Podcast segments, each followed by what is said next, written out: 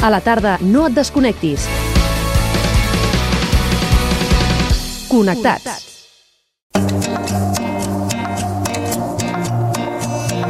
Bocabadats. Aquest podcast és una producció de Ràdio Sabadell. La Plataforma per la Llengua denuncia que el govern espanyol ha promulgat eh, dos centenars de normatives que continuen mantenint discriminada la llengua catalana durant l'any 2023. Ho descobrim en aquesta producció de Ràdio Sabadell amb la veu de Pau Duran. La promoció i difusió de la cultura només en espanyol és el tema que preocupa a la Plataforma per la Llengua. Per això parlem amb la seva directora, la Ruth Carandell. Gràcies per atendre'ns. Hola, bona tarda. Bona tarda. Quin és l'estudi ben bé? A quines dades heu arribat per, per mm, deduir que això era un tema preocupant? Bé, nosaltres cada any eh, traiem un informe eh, analitzant les lleis o les normatives que van en contra del català que es poden fer des de diferents governs, des del govern espanyol, des d'un govern autonòmic o també des de les pròpies institucions europees. Per tant, eh, sistemàticament heu de pensar que cada dia tenim una persona de la plataforma, un tècnic, que es dedica a fer el buidatge de totes aquestes normatives, a plegar-les i després les analitzem. I aquest any, doncs, eh, fins al darrer quadrimestre doncs, teníem eh, ja 150 normes que complien doncs, eh, malauradament eh, aquesta, aquesta vulneració de la llengua catalana com a llengua amb igualtat de drets en d'altres, en diferents àmbits, i en l'últim espai d'any doncs hem tingut eh, vora eh, 42 eh, normes diferents que han fet aquesta vulneració també, però que en aquest cas resulta que, eh, com que eren les normes que constituïen el nou govern de l'Estat, són les normes que han decidit tot un seguit d'actuacions d'organitzatius a nivell de ministeris i unes altres d'ajuts eh, europeus eh, per rellençar l'economia i la cultura on el castellà ha passat en primer terme i té una supremacia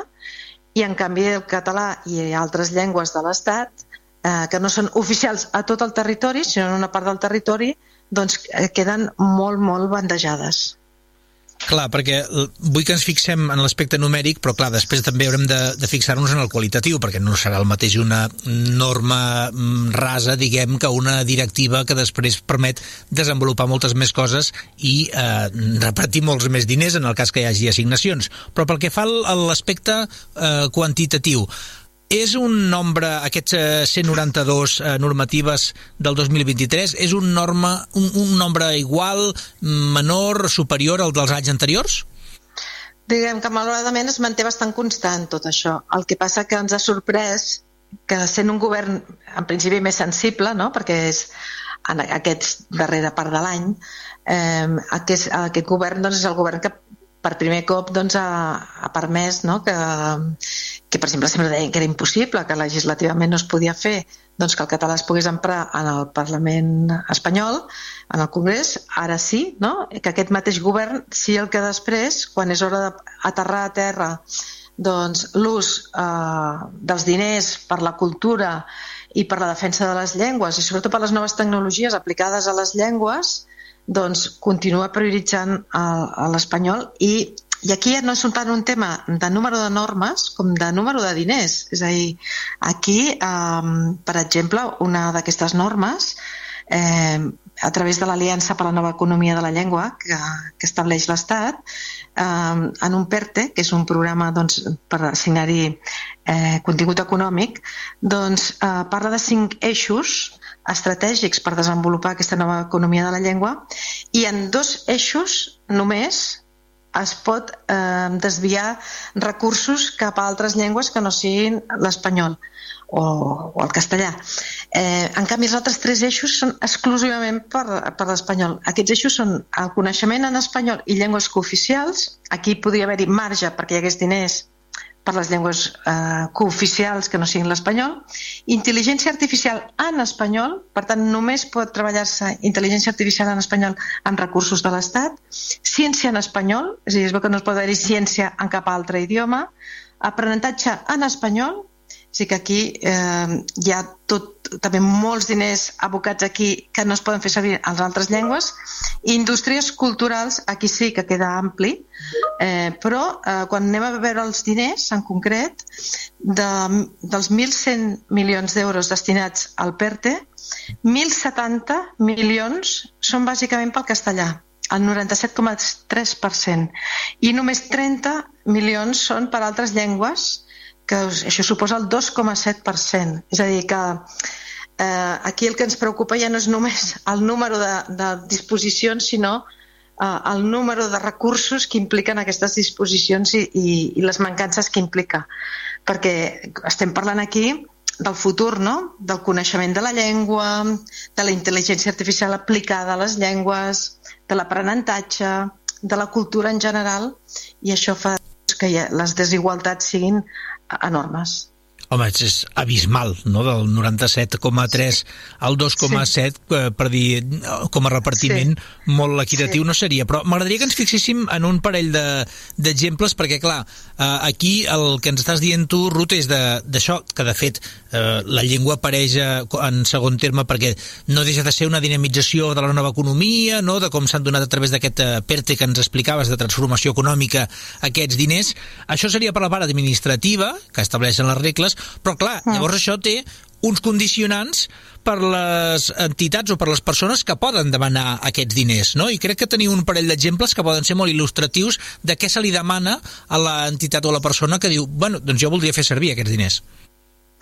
Bueno, primer, eh, per començar, molts casos el que es demana és que la, la documentació sigui en castellà sí, per començar, en castellà i, i si ho presentes en qualsevol altre idioma um, amb traducció jurada, que això encara encareix, vull dir, si vols fer servir qualsevol altra llengua. Jurada? Si seria jurada, eh, ara alguns, alguns aquest any doncs, han, han començat a treure la part jurada, però si no implica el cost, imagina el cost de poder presentar un paper en català, de tenir la, la, que hagis de presentar una, una traducció jurada amb el que implica això. Eh? Però vull dir que en principi són en llengua castellana o traduïts a la llengua, és a dir, que no pots, no pots uh, presentar documents eh, amb la llengua, encara que sigui oficial, eh? ho has de presentar d'aquesta manera. És a dir, i, i, i la documentació en castellà. Això molts cops implica això que tu tens documentació, per exemple, uns poders, el que sigui, els pots tenir en català, perquè són perfectament legals. Però ells t'obliguen doncs, a tenir-ho d'aquesta manera.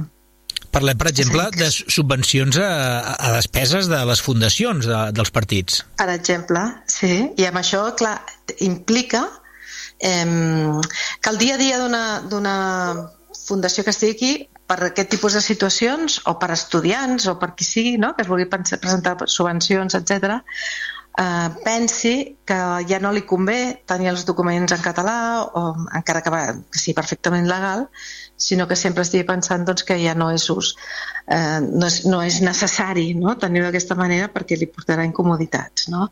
I això entra dins una estratègia en el que es juga doncs, en què la llengua necessària doncs, sempre és una, que és l'espanyol, és una visió supremacista no, de la llengua, i les altres doncs, no, no calen. Eh, i, I això no és només el marc normatiu, perquè és, és veritat que la, que la Constitució espanyola doncs, diu que hi ha una, una llengua no? que és, és la comuna i la que és oficial a tot el territori i que tots tenim el, el, el dret a fer-la servir i el deure a conèixer-la, eh, però també hi ha unes altres llengües no? que són oficials en parts del territori però que tenen, ja no, aquesta no, ja no tens el, el deure a conèixer no? per tant ja parteix d'un desavantatge el que és la Constitució però és cert que aquest marc podria, eh, si no fos per aquestes normatives limitatives que fan, podria eh, aixecar molt més el sostre i és els mateixos governs doncs, els que el, el, van, el van reduint i van fent doncs, que això que minoritzant les, el, les llengües perquè al final eh, fer servir doncs, les llengües que no són oficials en tot el territori doncs esdevingui un problema perquè tenen aquesta visió mm, supremacista. Deies que una de les primeres eh, normes que havia mm, tingut un impacte gros per tot el que s'havia de desenvolupar després era, per exemple, doncs, el Reial Decret on s'establien missions com la del Ministeri de Cultura, no?, en promoció i difusió de la cultura en espanyol. Clar, tot això va associat, per exemple, el comissionat especial per l'Aliança eh, per la Nova Economia que deies, o una direcció general de l'espanyol al món, de l'idioma. És aquesta idea que, que les altres llengües no, no representen l'Estat i que no s'han de fer polítiques públiques i que l'Estat no, eh, només està per defensar una sola llengua. Eh, i, I com deia el que deia abans, és a dir, sorprèn no? un, un, un govern que està fent doncs, que, que el Congrés eh, canvi des del punt de vista lingüístic. Eh, després, el que és l'estratègia del dia a dia, les polítiques públiques, de l'organització del govern i de la representació cara en fora i, i l'àmbit simbòlic de les llengües, això no s'ho apliqui.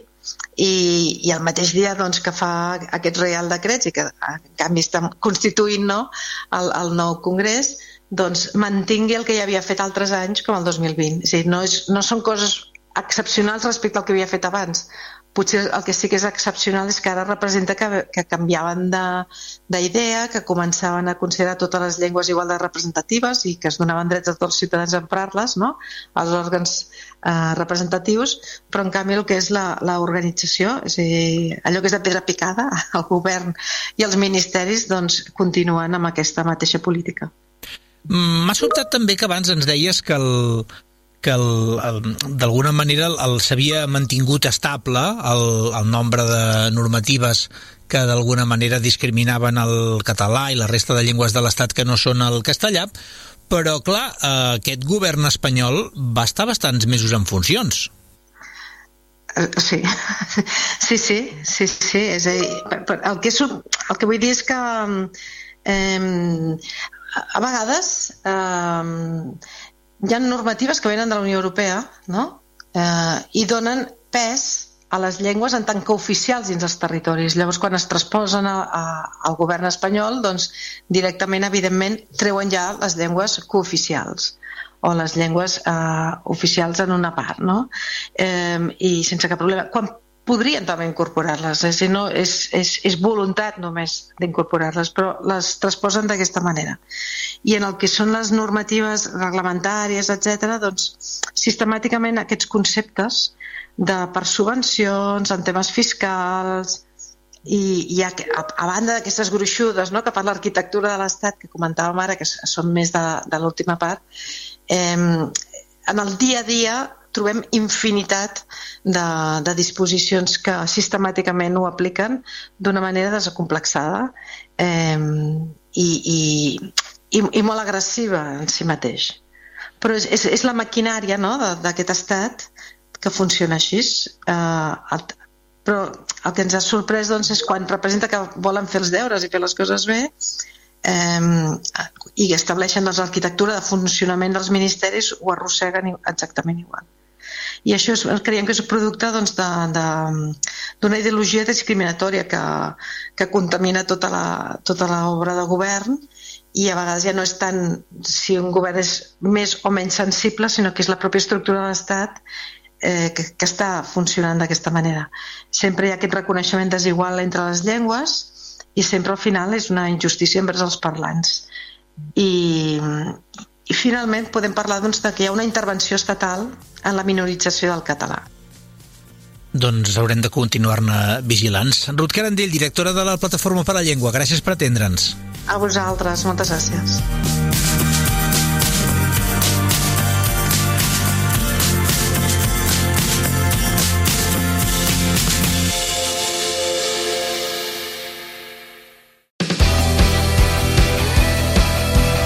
A la tarda no et desconnectis.